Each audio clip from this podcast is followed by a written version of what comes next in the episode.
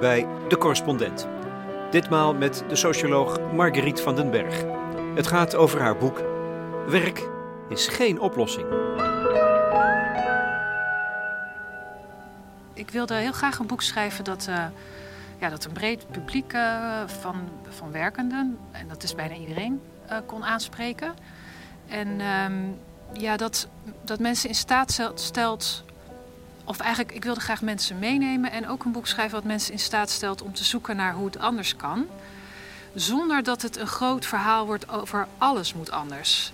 Want dat, dat is misschien zo. En, dat is ook goed om het daar met elkaar over te hebben. Maar dat kan ook heel verlammend werken. Van nou ja, de, ja, we leven nu eenmaal in kapitalisme, wat kan ik daar nou aan doen? Dus ik moet me doorbuffelen. Dus ik wilde graag ook ja, dichtbij brengen wat je eigenlijk, ja, waar je eigenlijk zelf op zoek kunt naar wat zuurstof. Um, en misschien soms ook een pauzeknop kunt indrukken of uh, ja, die ruimte kunt zoeken. En ook naar allerlei kleine vormen van solidariteit op zoek kunt gaan met mensen met wie je werkt bijvoorbeeld. Uh, ja, dus zo. Ja, nou ja, de naam Marx zal vallen. Dus ook de theorie van het marxisme, denk ik. Ja. Maar een, een, woord dat je bijvoorbeeld niet gebruikt, voor zover ik me dat nu uh, goed herinner, is het woord revolutie. Ja. Terwijl daar gaat het toch om? Er is toch een revolutie nodig? Ja, gebruik ik het helemaal niet? Weet ik niet meer. Nou, ik spreek wel aan het einde over het uh, belang van een algehele staking. Hè? Dus ik denk wel, ah, kijk, dat wilde ik wel benoemen. Dat in principe weten we met z'n allen, en dat gaat niet alleen over werk, dat gaat bijvoorbeeld ook over klimaat of een hoop andere dingen, dat we zo niet verder kunnen. Dit, is niet, uh, dit, dit kunnen we niet meer doen. Ja, dat zeg je. Ja. We weten het. Ja. Is dat zo? Nou ja, het ligt eraan wie je daar als het wij ziet natuurlijk. Maar ik denk dat er heel veel mensen zijn die wel weten en ook voelen. Hè? Dus het is ook iets wat denk ik heel veel mensen in hun lichaam best wel, in hun lijf wel voelen. Dat het, dit, dit zo niet langer kan.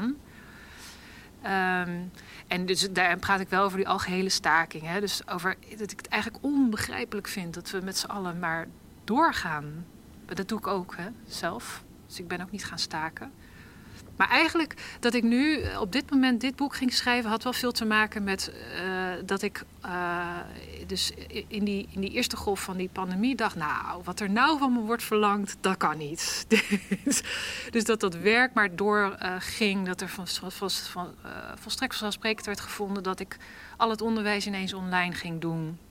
Terwijl ik ondertussen kinderen thuis had. En dat ik dacht, ja, maar als ik dit al zo, zo overweldigend vind, dan is dit toch voor heel, mensen eigenlijk niet heel, veel, heel veel mensen eigenlijk niet te doen. En toen kreeg ik wel zin in het schrijven van een stukje over staken. zo is het eigenlijk gekomen. Dus daar is het boek eigenlijk begonnen, bij dat hoofdstuk.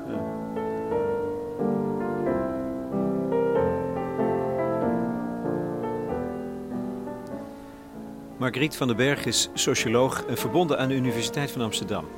Haar boek Werk is geen oplossing verschijnt op 6 oktober. Iedereen is moe. Niemand heeft tijd. Dat is het refrein dat uit een treuren terugkeert als een zeurende melodie. Haar analyse is scherp en confronterend. Wat vind ik het eigenlijk vanzelfsprekend dat werk in ons leven alles overheersend is geworden?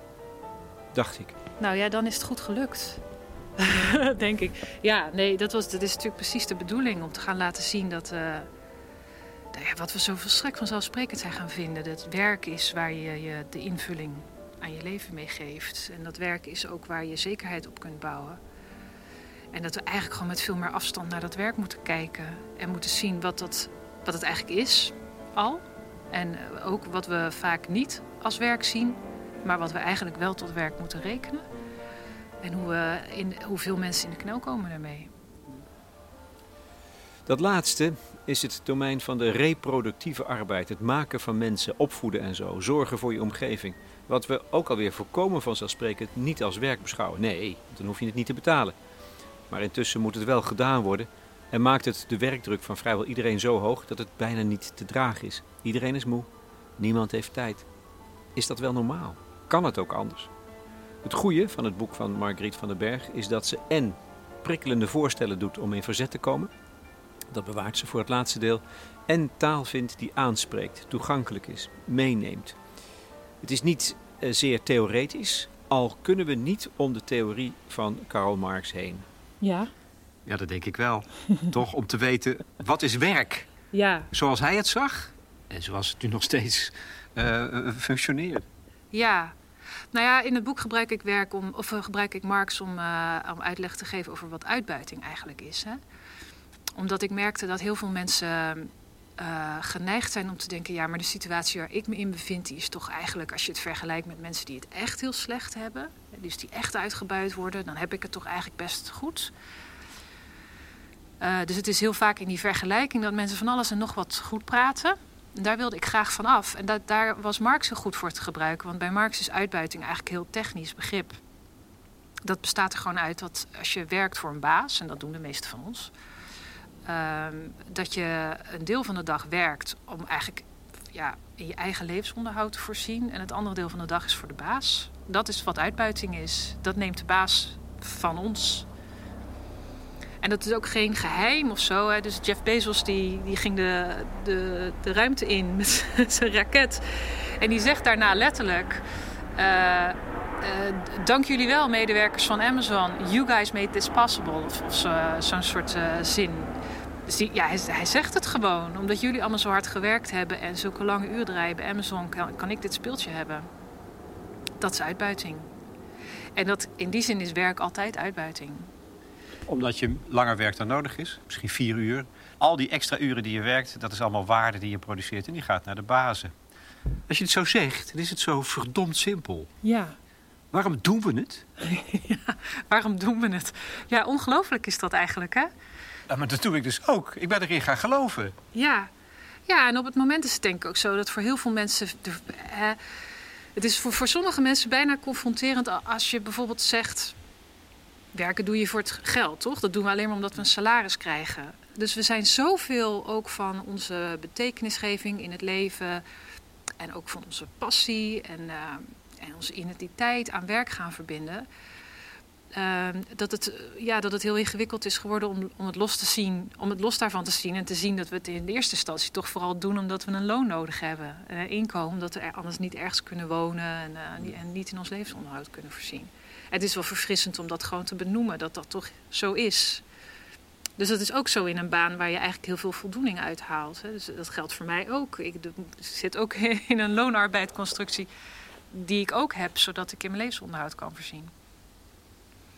En waarom doen we dat allemaal? Ja, dat, eh, dat, is, uh, dat is een goede, goede vraag. Ik denk eigenlijk in dat boek is het, is het mijn bedoeling geweest om op te roepen.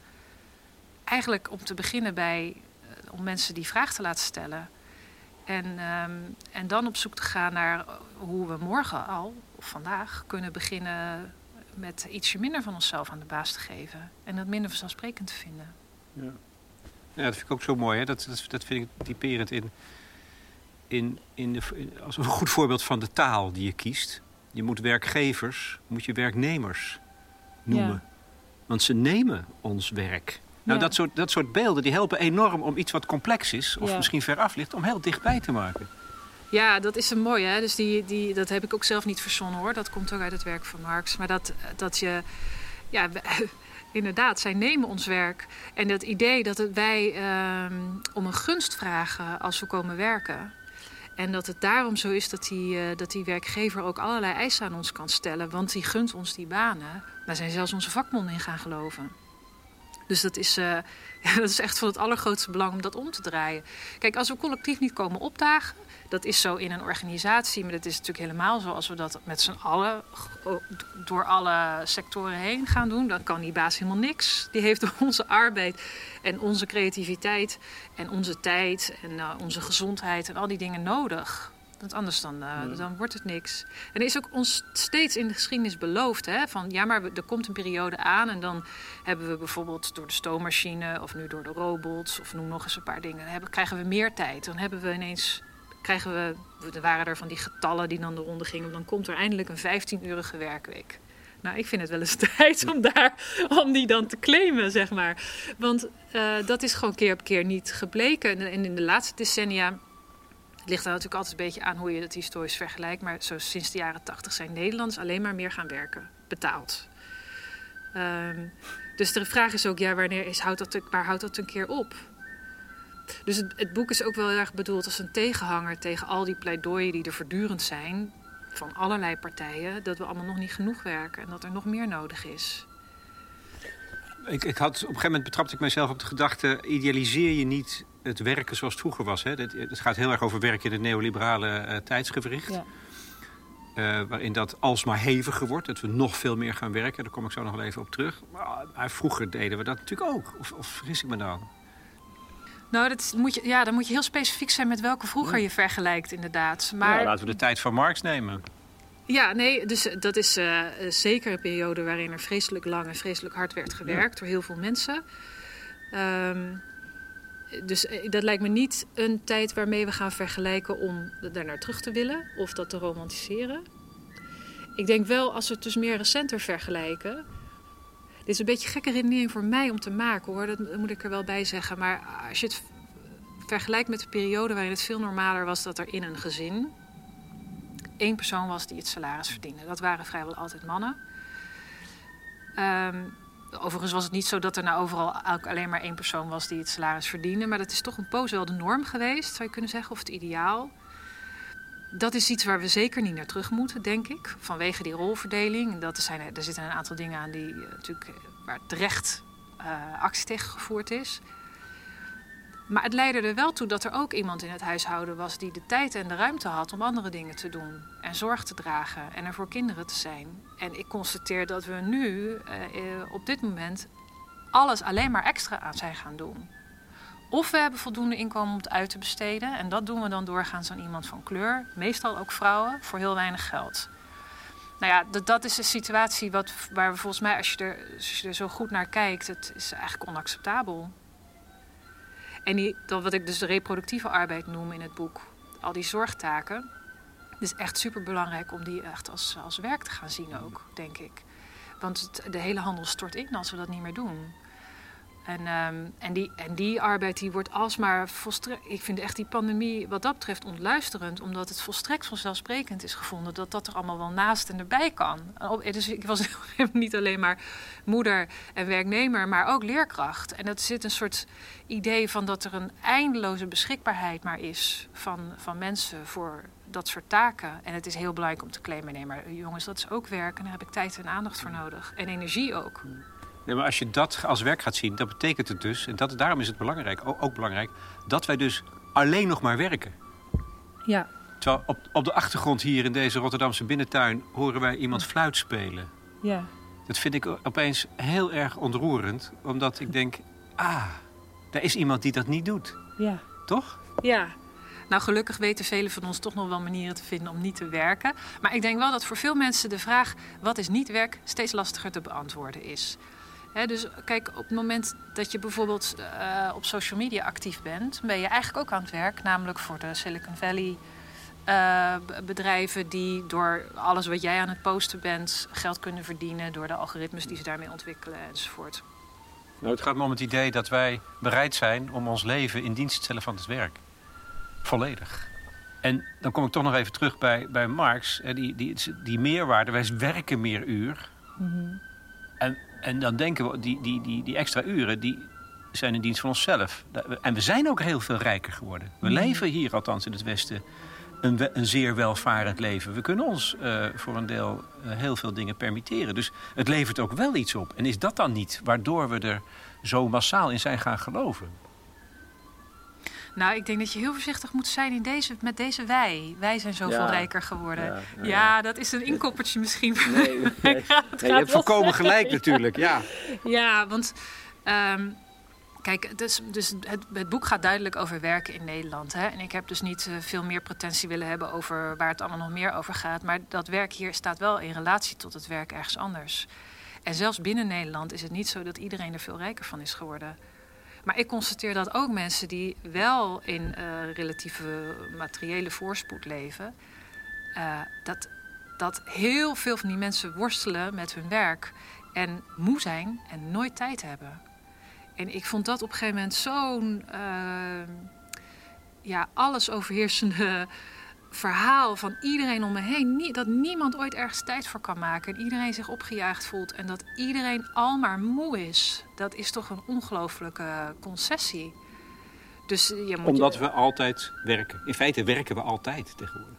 Ja, omdat we altijd werken, omdat iedereen onzekerheid ervaart rond het werk omdat iedereen onzekerheid ervaart rond een aantal andere dingen ook. Hè. Het is niet voor niks dat die woonprotesten er nu zijn. Het is voor heel veel mensen helemaal niet zo vanzelfsprekend dat dat allemaal eh, blijft. Dus er, is, er zijn minder ankers in die zin. Ook voor mensen die uit klassen komen waar, waar de relatieve materiële welvaart is. Er kan ook voor hen voortdurend is er angst dat het misschien morgen afgelopen is. En ja, die onzekerheid die maakt heel nerveus. Ja. Dus je, dus je zegt, omdat we onzeker zijn, gaan we, gaan we zo ver in het ons beschikbaar stellen voor de baas. Ja, zeker. Nou ja, dat wordt ook gewoon beoogd met overheidsbeleid. Hè? Dat heet bij de overheid activering. En dus er zijn allerlei vormen van sociale zekerheid aangepast of herzien, zoals dat dan zo eufemistisch heet. Uh, en die hebben vaak ten doel gehad om ons te activeren. Wat altijd een hele rare, raar woord is eigenlijk. Uh, en, maar dat betekent vaak zoveel als de mensen moeten niet te, te, veel zekerheden hebben, want dan gaan ze niet meer stevig aan het werk. dus ja, dus wij worden tamelijk ja, bewust echt wel. Dat is niet, dat verzin ik niet, uh, dat kun je gewoon zo terugvinden in allerlei teksten. Tamelijk bewust onzeker gehouden, zodat we harder werken. Er is altijd de angst dat we het morgen niet hebben. En dat geldt ook, uh, kijk, dat geldt dus in allerlei werk. Uh, dus er is in veel meer werk op dit moment competitie ingebracht. Met collega's bijvoorbeeld, dan dat het vroeger uh, aan de hand was. Er zijn op veel meer plekken tijdelijke contracten. Maar er zijn ook op veel meer plekken. Bijvoorbeeld is er tijdelijkheid wat betreft wonen. Dus dan heb je misschien wel die baan, maar dan weet je nog niet hoe het met wonen zit. Nou, op die manier is eigenlijk dat soort onzekerheid voor veel meer mensen een hele grote factor in hun leven geworden. Ja. En het idee, het idee dat werk veel uh, zekerheid en vastigheid geeft in de context van een verzorgingsstaat, daar kijken wij nu naar alsof dat. Oh ja, dat was vroeger zo misschien, maar dat is ook historisch gezien maar heel kort geweest eigenlijk. Hè. Dus we praten echt zo'n ja, zo'n 30 jaar of zoiets na de Tweede Wereldoorlog, waarin er daaraan gebouwd is. Van uh, mensen een, een, loon, een salaris. Daar heffen we belastingen op. Met die belasting betalen we een vangnet en dan hebben we heel veel zekerheid georganiseerd.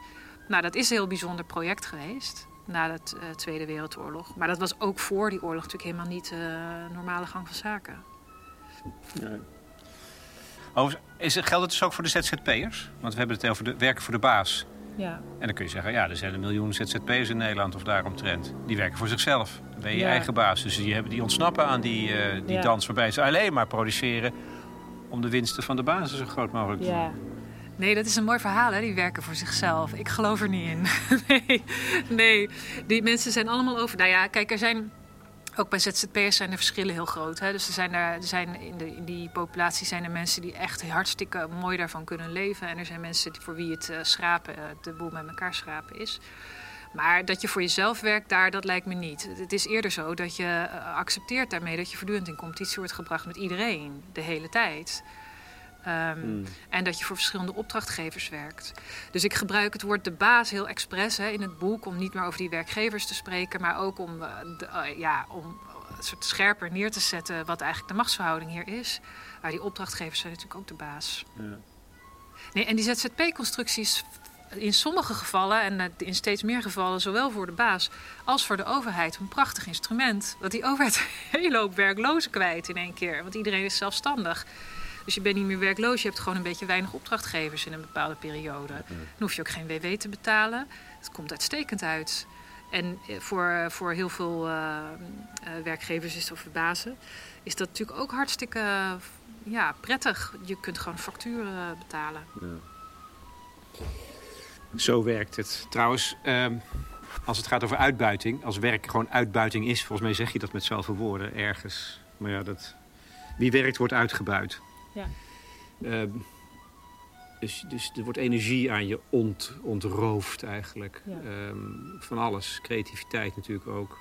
Er is een ontstellend hoeveelheid aantal mensen uh, uh, burn-out. Mm -hmm. Dat heeft daarmee te maken. Maar, maar, en nog één stap verder is... Eh, hetzelfde geldt voor de hele aarde. Mm -hmm. De aarde is ook burn-out aan het raken. Ja. ja. Nee, dat is heel belangrijk, denk ik, om dat verband te zien. Dus eh, het is, het is heel duidelijk dat die, ja, kapitalisme werkt op basis van die extractie, hè, van die energie uit de aarde te trekken en uit ons. Um, en uh, ja, het is volstrekt duidelijk voor mij dat dus werk en, uh, en je verzetten tegen werk ook verbonden is met je verzetten tegen het uitputten van de aarde en het onmogelijk maken van een leven op aarde voor ons en allerlei dieren. Ja. Ja, Je zegt het zo nuchter, hè, dit? Ja. Twee zinnen. Ja dat is.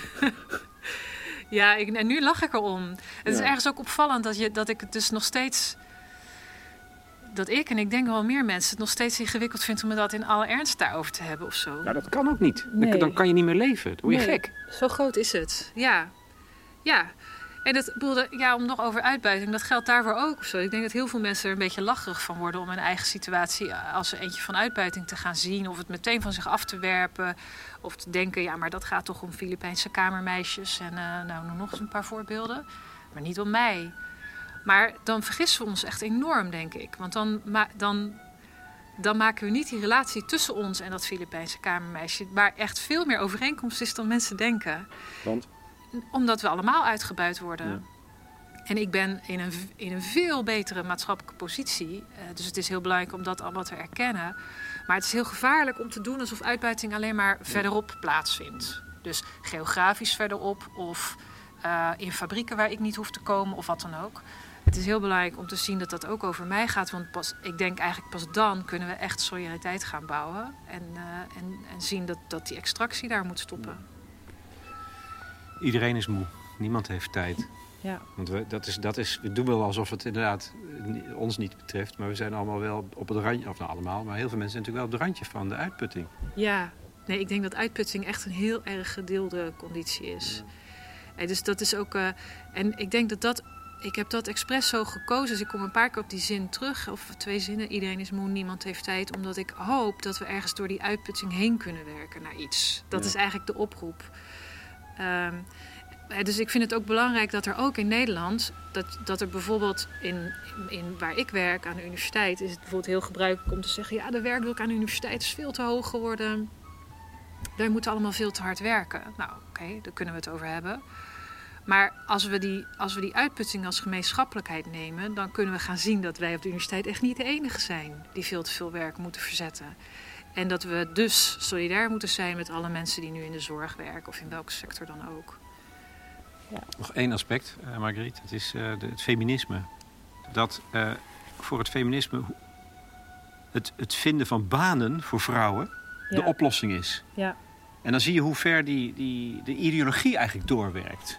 Ja. Want werk, nee, banen, werk, dat emancipeert. Ja. En daar, daar, zit, daar zit een hele verkeerde gedachte in. Ja, nou dat is, daar heb ik lang mee geworsteld ook. Want ik ben ook opgevoed zelf met het idee dat als je, hè, als je, eh, als je dus geëmancipeerd wil zijn of eh, als je vrij wil zijn als vrouw, dat je moet zorgen dat je werk hebt. Betaald werk en het liefste ook nog een beetje ambitieus daarin moet zijn. Hè? Dus dat je ook nog een zekere positie daarin eh, moet kunnen bereiken. En, en ik ben het eigenlijk steeds vreemder gaan vinden dat we bevrijding daar eigenlijk zijn gaan zoeken in een machtsrelatie met een baas. Ja. En dat is uiteindelijk wat we doen. Ja, dat is gewoon, dat is uiteindelijk heel vreemd. Maar ook dit is er eentje die helemaal niet zo makkelijk te accepteren is. Ook voor mij persoonlijk niet. Hè? Dus het, eh, het is. eh, want je moet ook zien dat we op dit moment in een samenleving, in een systeem leven waarin eh, een zekere onafhankelijkheid voor vrouwen wel degelijk met betaalde arbeid samengaat. Eh, ik denk alleen dat het enorm belangrijk is om, eh, om ook daar die afstand tot, die, tot, tot werk te gaan zien. En, ja. En dat, dat gaat ontzettend diep, dat idee dat het werk is wat ons dat allemaal moet geven. Maar dat is heel raar, alsof zelfontplooiing of, ehm, en, en zeker bevrijding, alsof we dat niet eigenlijk in hele andere sferen zouden moeten zoeken dan in betaald werk. Bovendien kun je voor mij misschien nog zeggen met mijn baan aan de universiteit dat er allerlei zelfontplooiing plaatsvindt op dat werk. Maar de meeste werkende vrouwen werken op echt ontzettend, eh, in, op, in ontzettend rottige baantjes. En die zijn dat ook allemaal moeten gaan doen. Dus daar zit helemaal geen, dan zit er helemaal geen emancipatie in. Alleen maar meer uitbuiting. Nou, meer uitbuiting door de baas in ieder geval. Ja, ik ben ook een beetje terughoudend om te zeggen... er zit daar helemaal geen emancipatie in. Want eh, wat ik zeg, zolang we de boel zo ingericht hebben zoals we het nu Hmm. hebben... is het voor vrouwen wel belangrijk, denk ik, vaak om ook eigen inkomen te hebben. Ehm, maar dat kan ook anders. Dat kunnen we ook anders gaan doen. En uh, ik denk, kijk, als je de hele dag uh, op je benen moet staan in de kruidvat, of schoonmaakwerk moet doen, of uh, noem nog eens een paar varianten. Maar dat zijn typisch banen waar vrouwen veel in werken. Hè? Dus die, die, die, detailhandel en zo. Hele slechte contracten, hele dag op je pootjes staan. dus, ik denk niet dat we moeten doen alsof dat in zichzelf emancipatoire is. People say it doesn't exist. No one would like to admit that there is a city underground. People live every day off the waste and decay, off the discards of fellow man. Dus dat dat heb ik ook echt wel willen benoemen aan het einde van het boek. Van als je dan toewerkt naar alternatieven, dan gaat er een hele hoop ongemak zijn. Want er zijn een hele hoop dingen waar we nu uh, vanzelfsprekendheid in ervaren. En die helpt ons natuurlijk in het dagelijks leven. En als we dat, als we dat echt anders willen gaan doen, ja, dan ontstaat er wel wrijving natuurlijk. Ja. Het gaat ook voor de reproductieve taken, zoals je dat noemt. De zorg voor het opgroeien van kinderen. Als je dat als werk gaat beschouwen, ja, dan, dan staat er wel een hele andere wereld natuurlijk. Ja, ja, nou dat is natuurlijk dat is een van de, vind ik, meest spannende stromingen in het feminisme. Hè? Dus de, die, die Italiaans marxistische feministen, feministen baseer ik me daar dan op. Sylvia Federici en een aantal anderen. Die een hele beroemde campagne hadden. Uh, uh, die later Wages for Work is gaan heten. Maar een originele manifest heet Wages Against Work. En dat is een heel cruciale. Dus die hebben gezegd, nou, dan gaan we ons maar betalen voor die reproductieve arbeid. Want het is onze arbeid die ervoor zorgt dat er dadelijk militairen zijn voor jullie oorlogen. En het is onze arbeid die ervoor zorgt dat al die mannen dadelijk weer in die fabrieken aan de slag kunnen. En dat er weer moeders zijn om weer nieuwe kinderen te maken. Dat, daar willen we eigenlijk wel voor betaald worden. Maar die betaling was bedoeld om de boel op te blazen. Ja. Dus want, het, het is onmogelijk, dus moet je anders over werk gaan nadenken. Dat we niet altijd, altijd alleen maar willen werken. Ja, en dat vind ik dus heel spannend aan. Dat ze zeggen, ja, uh, de enige manier waarop wij hier een machtspositie krijgen... waarin we iets kunnen afdwingen... is er een loonrelatie van maken. Want dan kunnen we namelijk gaan staken. Dus het he dat, was, dat is echt een prachtige beweging, vind ik. Dus uh, kijk, zolang het onze natuur is om te zorgen, bijvoorbeeld... of om seksuele wezens te zijn uh, en zolang het uh, biologie is, en, of allemaal dat soort dingen, terwijl er toch doorgaans zo'n 20 jaar socialisatie nodig is om het allemaal te doen. Hè? Maar dat, dat, dat, uh, ja, dus dat moeten we ook allemaal actief leren. Maar zolang we dat blijven zien, kunnen we ons helemaal niet verzetten. Dus is het heel belangrijk om dat wel te doen. Dus eigenlijk is het, we willen staken omdat we niet kunnen staken. En dat, is, dat vind ik een hele mooie. En ik denk gewoon dat je heel breed nu ziet dat eigenlijk hele groot dat je zou kunnen zeggen dat er een grote strijd tussen arbeid en kapitaal op dit moment juist in het reproductieve realm plaatsvindt. Dus omdat het betaalde arbeid al maar meer tijd en aandacht en energie van ons vraagt, komt die reproductieve arbeid steeds meer in het gedrang en uiteindelijk vreet dat ons allemaal op. Want is het, hè, het is, ondermijnt dat van alles en nog wat. Dus namelijk? Het ondermijnt uh, de, de, de, de, ja, de, de, soort sociale relaties die nodig zijn om. Uh, uh, de sociale relaties die nodig zijn om er voor elkaar te kunnen zijn. al het vermogen dat er doorgaans in families en in buurten en in vriendschappen is om allerlei dingen op te kunnen vangen. Het ondermijnt ons vermogen om mens te zijn daar. Het ondermijnt de, de, ons vermogen om lief te hebben. Om voor onze ouderen te zorgen. Dus ja, uiteindelijk um, is, is het verdedigen eigenlijk van die tijd en aandacht voor reproductieve arbeid een hele belangrijke. En dat is dus ook waar ik ik, bedoel, ik, ik ben evident feminist, maar ik heb wel een probleem met het soort feministen dat, feminisme dat is gaan neerkijken op zorgtaken. Alsof dat een soort uh, een beetje sullig iets is. Als je gaat uh, zorgen voor kinderen of voor ouderen. Of, uh, nee, je moet een, een, een pak aan en, en de arbeidsmarkt op. Terwijl dat uiteindelijk zijn die taken, het zorgen voor naasten, het belangrijkste wat we kunnen doen. Here in Sub City, life is hard. we can't receive any government relief. Won't you please, please give the president my honest regards for disregarding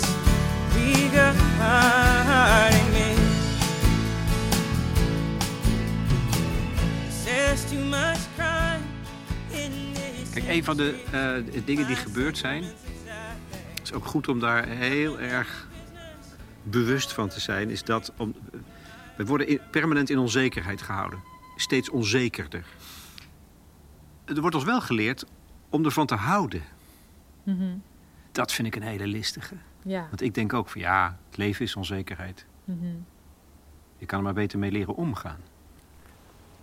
Ja, maar de, het, we- het, het- dus bij het leven hoort kwetsbaarheid. Ja, precies. Dus dat is helder. Dus wij zijn, eh, eh, eh, hè, en gelukkig maar, zou ik bijna zeggen. Dus wij zitten hier alleen maar omdat er heel veel mensen voor ons hebben gezorgd, toch? Al vanaf dat we geboren werden waarschijnlijk, maar ook omdat we een thee kunnen zetten met schoon drinkwater. Omdat we hier in een tuin kunnen zitten en ons huis niet in elkaar stort. Heel veel mensen zorgen ervoor dat wij hier nog levend zitten. Die kwetsbaarheid die zorgt ervoor dat we relaties met elkaar aangaan. Dat maakt ons ook mens. Dus dat is niet iets waar we vanaf moeten. Het is ook een fundamentele afhankelijkheid. Zeker, en die moet er ook zijn. Ik vind het ergens een van de opbrengsten wel van de pandemie dat je dat heel duidelijk was. Dus er is ons dat verhaal verteld. We zijn allemaal die onafhankelijke individuen en zelfredzaam. Maar in, hè, dus dat neoliberale ideaal. Maar in zo'n pandemie zag je ineens wat een groot verlangen mensen hebben om samen te zijn. Hè? Dat vond ik eigenlijk heel mooi dat dat zo bloot kwam te liggen. Dus die, ja, dus die afhankelijkheden die zijn er, oké. Maar er zijn politieke beslissingen en die maken de een veel kwetsbaarder dan de ander. En dat zie je op allerlei manieren terug natuurlijk. Dus het is niet zo dat iedereen, iedereen in dezelfde gelijke mate onzeker is geworden. Dat vond ik ook wel een treffende uitspraak. Dat wij allemaal onder deze omstandigheden manisch-depressief aan het worden zijn. Wilt, u, wilt u dat even toelichten? Nou, dat is een analyse van Rudy Laarmans. Hè? Dus die zegt, die, eh, dus een, een Vlaamse socioloog, en die zegt: We zijn allemaal manisch depressief geworden. En wat ik daar goed aan vind, is dat hij zegt: Wij zijn dat geworden. Dus het is niet meer ik ga met mijn therapeut of mijn huisarts in gesprek over dat ik me zo depressief voel. Ehm, maar we maken nu een claim dat wij ons allemaal zo voelen. En dat manisch-depressieve, dat zit er voor hem in dat er dus een soort ja, nerveuze, hyperactieve momenten zijn. Waarin je van alles en nog wat aan het doen bent. En heel soort uitstaat naar de wereld en hyperactief Ja. productief bent ook. Contracten aan het vervullen bent? Zeker. Ja. En dan zijn er momenten, dan is er even niks. Juist. En dan is er eigenlijk vrij snel de tegenhanger van die depressie. En eh, ja, ik vond het wel he- heel, heel mooi daar, omdat ik ook op een gevoelsniveau ontzettend herken bij heel veel mensen. Dus de grote somberheid op allerlei momenten en eigenlijk niet zien hoe het allemaal anders kan. Maar ja, dan is er toch een volgend moment weer wel een opdracht. En dan ga je daar weer helemaal tot s'avonds laat voor. En, eh, en ik denk dat het gewoon. Kijk, als er zoveel mensen zo verschrikkelijk vermoeid zijn. Dus er zijn de mensen die dan gediagnosticeerd worden met een burn-out. Maar daaronder zijn er vreselijk veel mensen die echt worstelen met hoe kom ik de komende week weer door. Dan, eh, dan, dan moet je inderdaad gaan zeggen: wij zijn uitgeput. En het houdt hier op. You get a fast car. I want a ticket to anywhere. Maybe we make a deal. Maybe together we can get somewhere. Any place is better. Starting from zero, got nothing to lose. Maybe we'll make something. Me, myself, I got nothing to prove. Je beschrijft met, na- met nadruk in je tweede hoofdstuk, ehm Margriet van den Berg, over de emoties die ermee gepaard gaan. Ja. Dat is van groot belang, vind jij. Waarom is dat? Ja. ja, ik vond het heel belang- belangrijk om, eh, om stil te staan bij hoe, hoe die onzekerheid voelt en hoe werk voelt voor mensen. Omdat eh, ja, ik inderdaad denk dat we alleen op die manier dus de aard van werk goed gaan begrijpen. En omdat ik ook denk dat het heel erg belangrijk is voor mensen om te voelen en te zien dat ze daarin niet alleen zijn. Dus het is, dat is niet een vraagstuk tussen jou en je huisarts, inderdaad. Eh, misschien ook, hè, moet je zeker doen. dus dat is belangrijk. Maar het is heel belangrijk om te zien daar wat, wat, wat ons daar ook allemaal in, in bindt. En ehm, En dat, zijn, dat, is juist, dat zie je dus juist op het niveau van de gevoelens. Dat zie je juist op dat niveau van de gevoelens, ja. En wat je ziet is dat heel veel mensen dat in tamelijk isolement proberen op te lossen. En er misschien nog eens een keer over praten met een partner of met een goede vriend of, uh, of zoiets. Maar het is eigenlijk heel belangrijk om dat daarin te zien. Dus die, nou ja, die uitputting noemde ik al, maar daar noem ik ook dat voortdurend maar plooibaar moeten zijn. En de, de, ja, de, als je, iets dus, als je dus voortdurend iemand anders moet zijn voor die, uh, voor die arbeidsmarkt, dat maakt ook heel moe en heel kwetsbaar. Hè? Het is eigenlijk, plooibaar vind ik daar een mooie term voor, want als je een stukje stof alsmaar opnieuw opvouwt, dan wordt die stof daar, stof daar dun en heel kwetsbaar. En dat zie je hierin ook heel erg.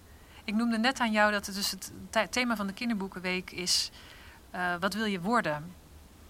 Dus die vraag die veronderstelt heel erg dat er een beroep is dat je later dan kunt gaan uitoefenen. Of een droom waar je dan naartoe werkt.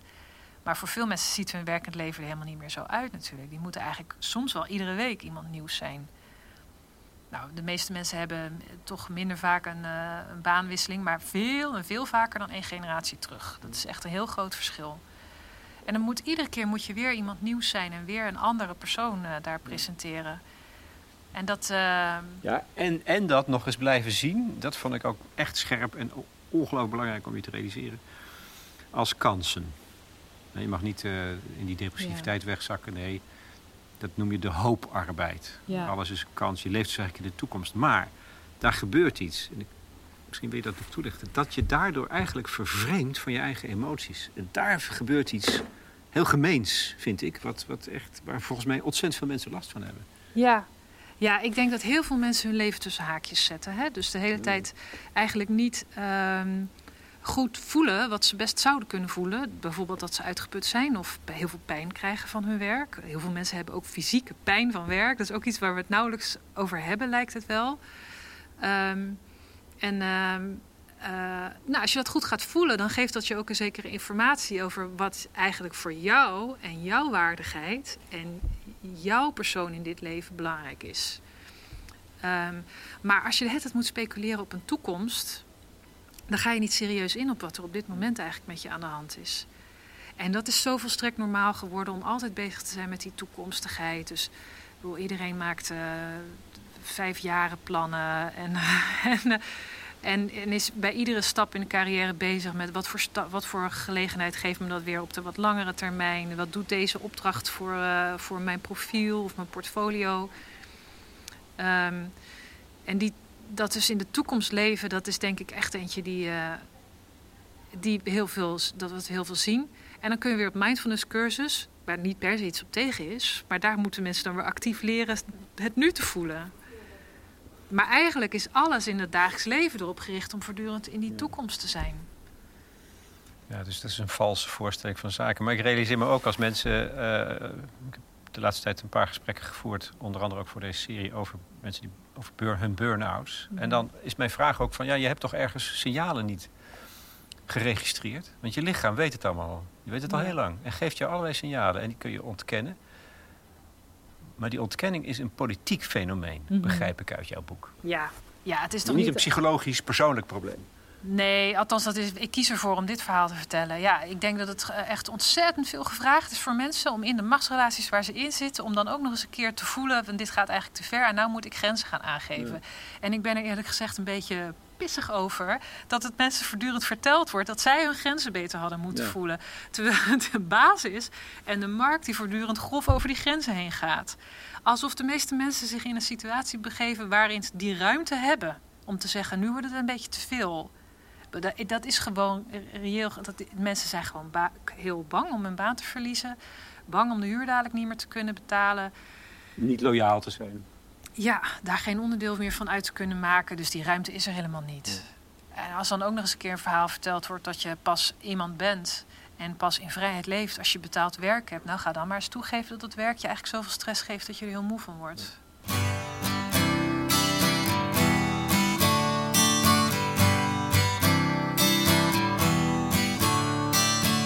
Don't you know they're talking about a revolution? It sounds like a whisper. Don't you know they're talking about a revolution? It sounds like a whisper. While they're standing in the welfare lines. Crying at the doorsteps of those armies of salvation. Wasting time in the unemployment lines.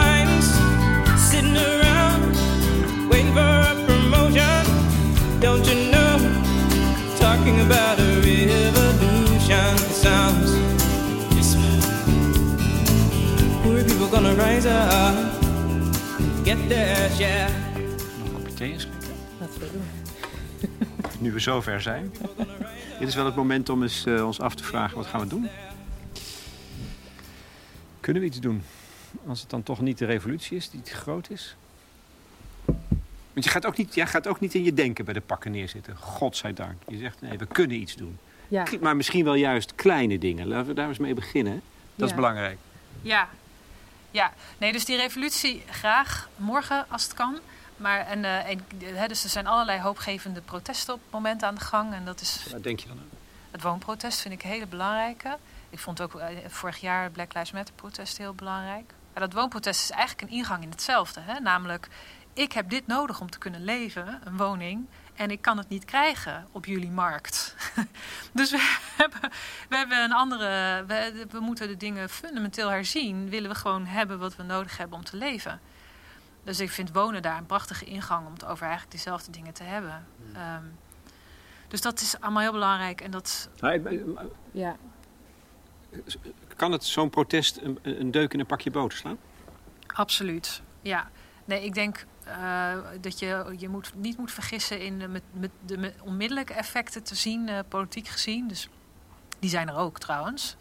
Ehm, maar je moet niet vergissen, denk ik, in wat het doet ook voor allerlei mensen om te zien dat het dus mogelijk is om je niet lam te laten leggen door de situatie zoals er is, maar te zeggen, ja, maar dit kan ook anders.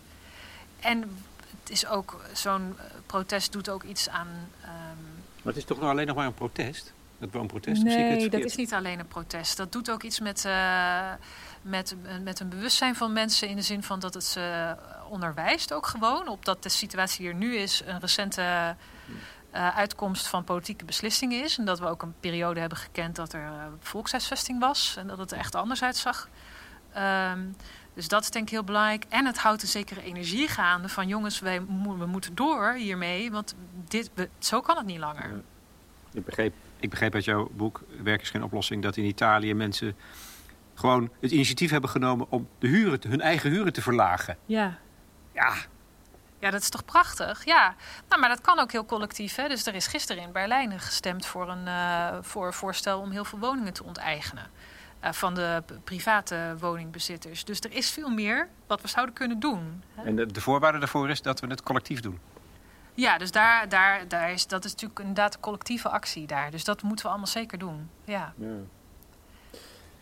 Staken. Je noemt vijf dingen die we kunnen doen. Ja. Eh, Nee zeggen, staken. Maar dan word je toch ontslagen?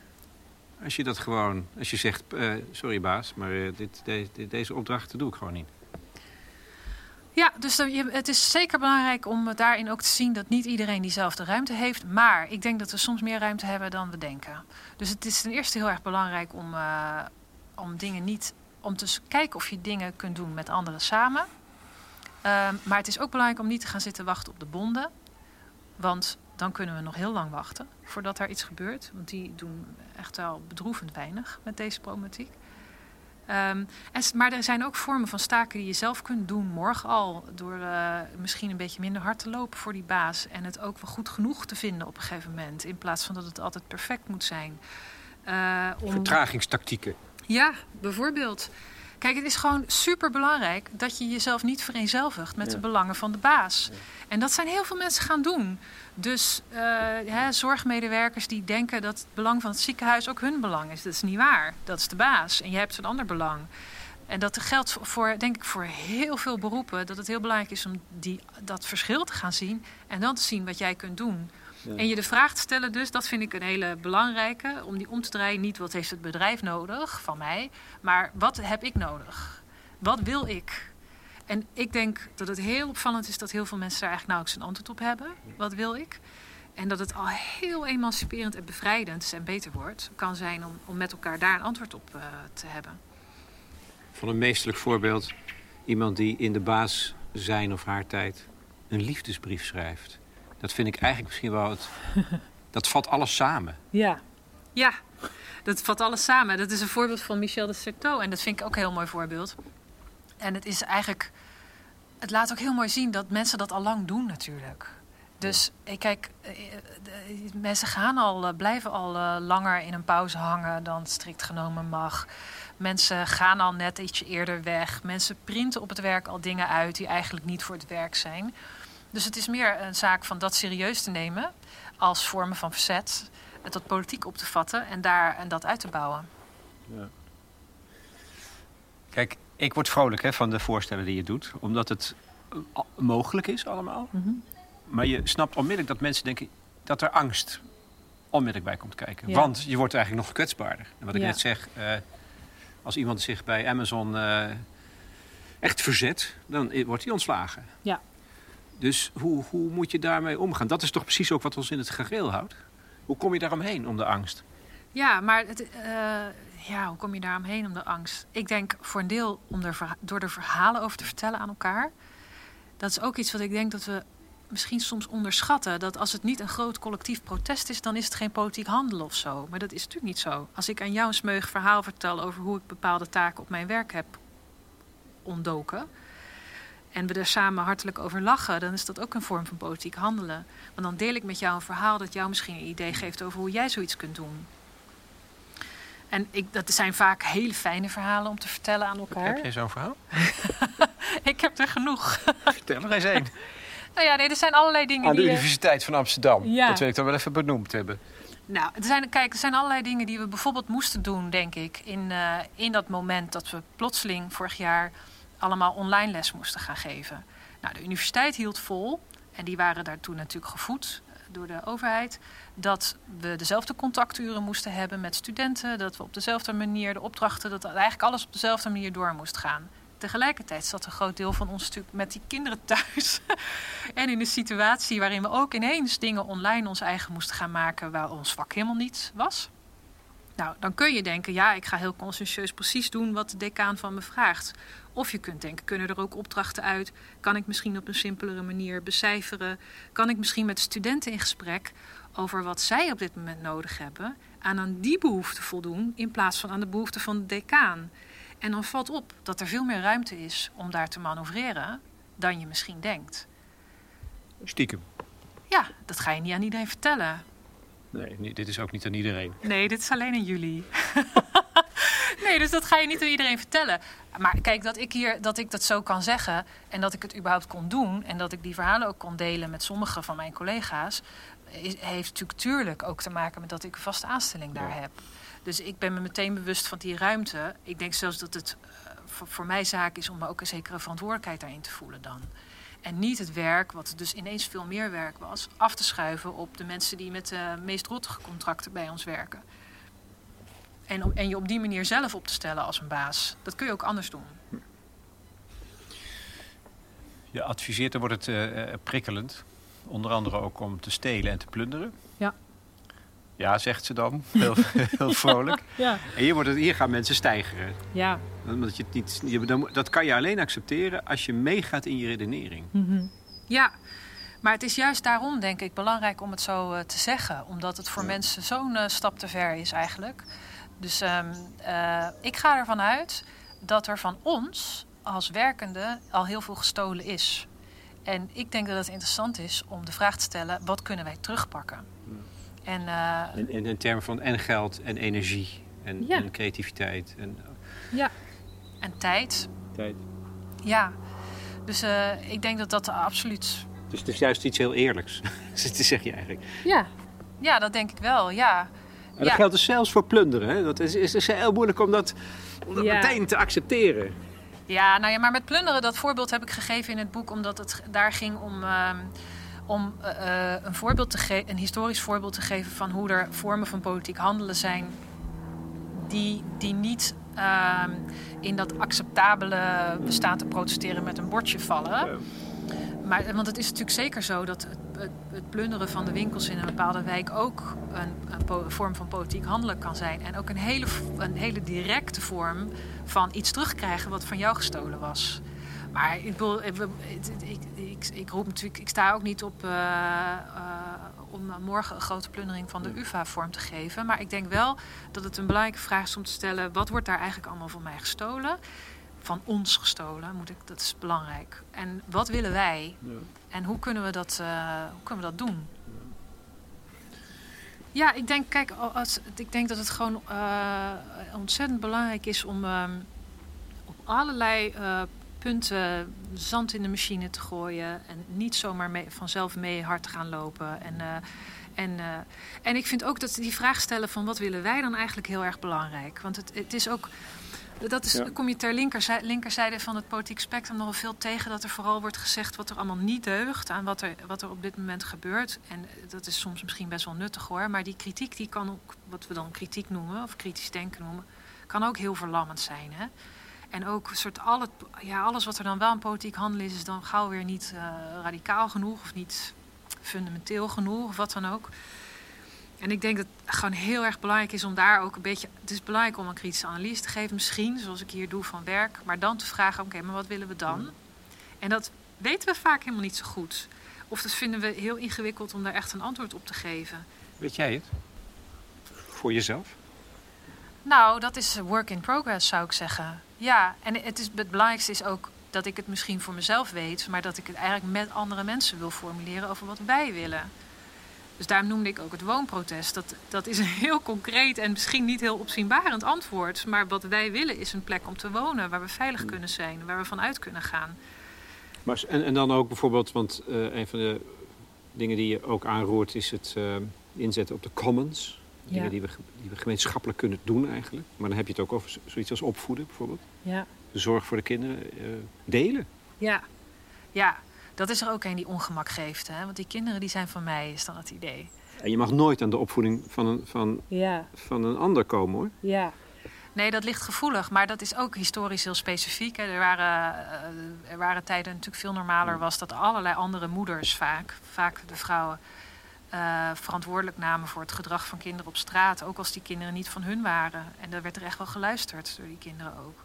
Juist ook in stadsbuurten. Daar heeft Grace Paley, een van mijn favoriete auteurs, heel veel over geschreven. Over hoe in die New Yorkse buurten die vrouwen eigenlijk mekaars kinderen voortdurend opvoeden.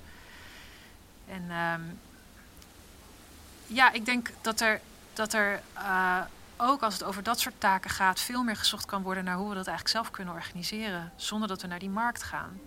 Het is natuurlijk eigenlijk heel raar. Dus ik breng mijn kinderen naar een kinderopvangorganisatie hier in Rotterdam. Naar de tegenwoordig buitenschoolse opvang. En dat, dat is voor een deel is het dan, ja, er moet gewerkt worden. En we moeten een constructie hebben waar dan gegarandeerd kinderopvang is. Hè. Dus dan, oké, dus dan ga je naar zo'n marktpartij. Maar die heeft, uh, ik, ik meen dat het een miljoen is, winst op jaarbasis. Dat is toch gestoord? Dat er zo'n winst wordt gemaakt uh, op de arbeid van mensen die hele kleine salarissen krijgen daarvoor. En op onze behoefte om de kinderen daar naartoe te kunnen brengen. Nou ja, dat kan anders. Ik vind het kinderopvoeden is ook heel uh, uh, belangrijk onderwerp nu, omdat, um, dan, om het dan ook te hebben over dat toeslagenschandaal. Hmm. Omdat wat je daar eigenlijk ziet, dus daar gaat het veel over, maar ik denk dat het belangrijk is om het ook te zien als een arbeidsvraagstuk, wat daar gebeurde. Ja. Ja. Want deze, de, de vrouwen vaak, maar de ouders in ieder geval, waren nooit in de situatie beland waar ze in waren beland als ze niet betaald werkten. Ze deden eigenlijk precies wat iedereen al van ze verlangde. Namelijk dat ze niet alleen thuis voor die kinderen gingen zorgen, maar dat ze betaald gingen werken. Dat konden ze alleen maar doen door ook van uh, kinderopvang gebruik te maken. Daarvoor hadden ze die toeslagen nodig. En is precies op dat punt, dat kruispunt, samen met het institutioneel racisme, wat hier duidelijk is, dat die vrouwen zo gewantrouwd zijn.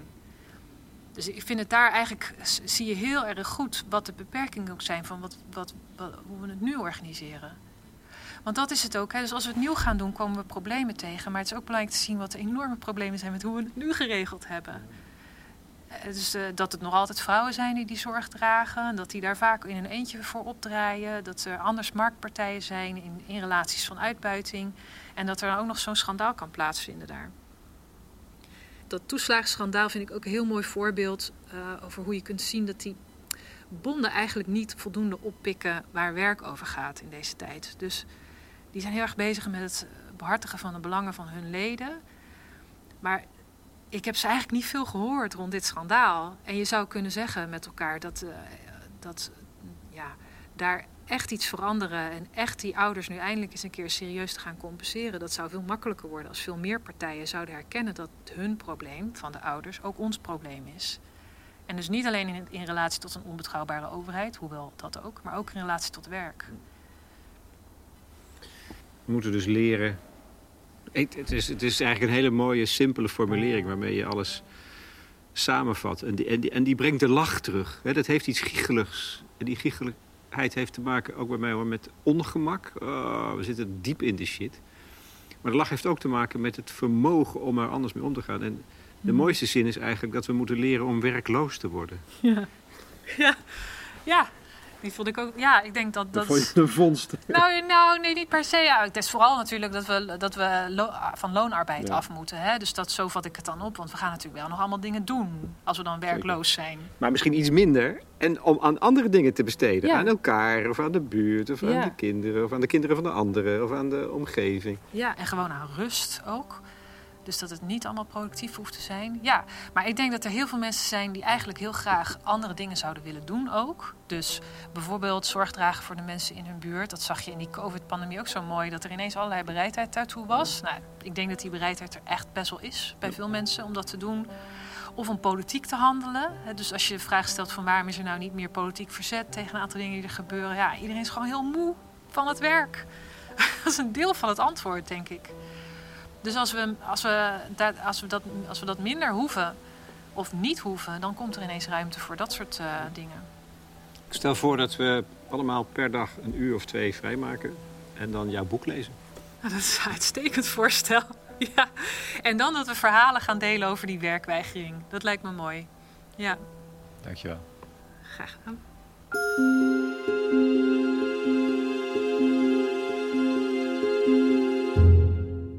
Marguerite van den Berg in gesprek met Lex Bolmeijer voor de correspondent over haar boek Werk is geen oplossing. Dat verschijnt op 6 oktober bij Amsterdam University Press. Roept dit uh, vragen op? Ongemak, weerstand, vrolijkheid? Je kunt reageren op ons platform en dat is toegankelijk voor leden. Laten we plannen maken om eens wat zand in de machine te gooien. Je bent al lid voor zeventientjes per jaar en daar krijg je dan een jaar lang kwaliteitsjournalistiek voor voorbij de waan van de dag. De muziek tenslotte. Ik begon met een lied van Rzewski, The People United Will Never Be Defeated. Dat is een eindeloze set met variaties. Maar uh, Van den Berg heeft ook een paar motto's opgenomen in haar boek uit popsongs Stromae, No Name en Tracy Chapman, Sub City. En toen ontdekte ik opnieuw hoe sterk dat werk van haar is.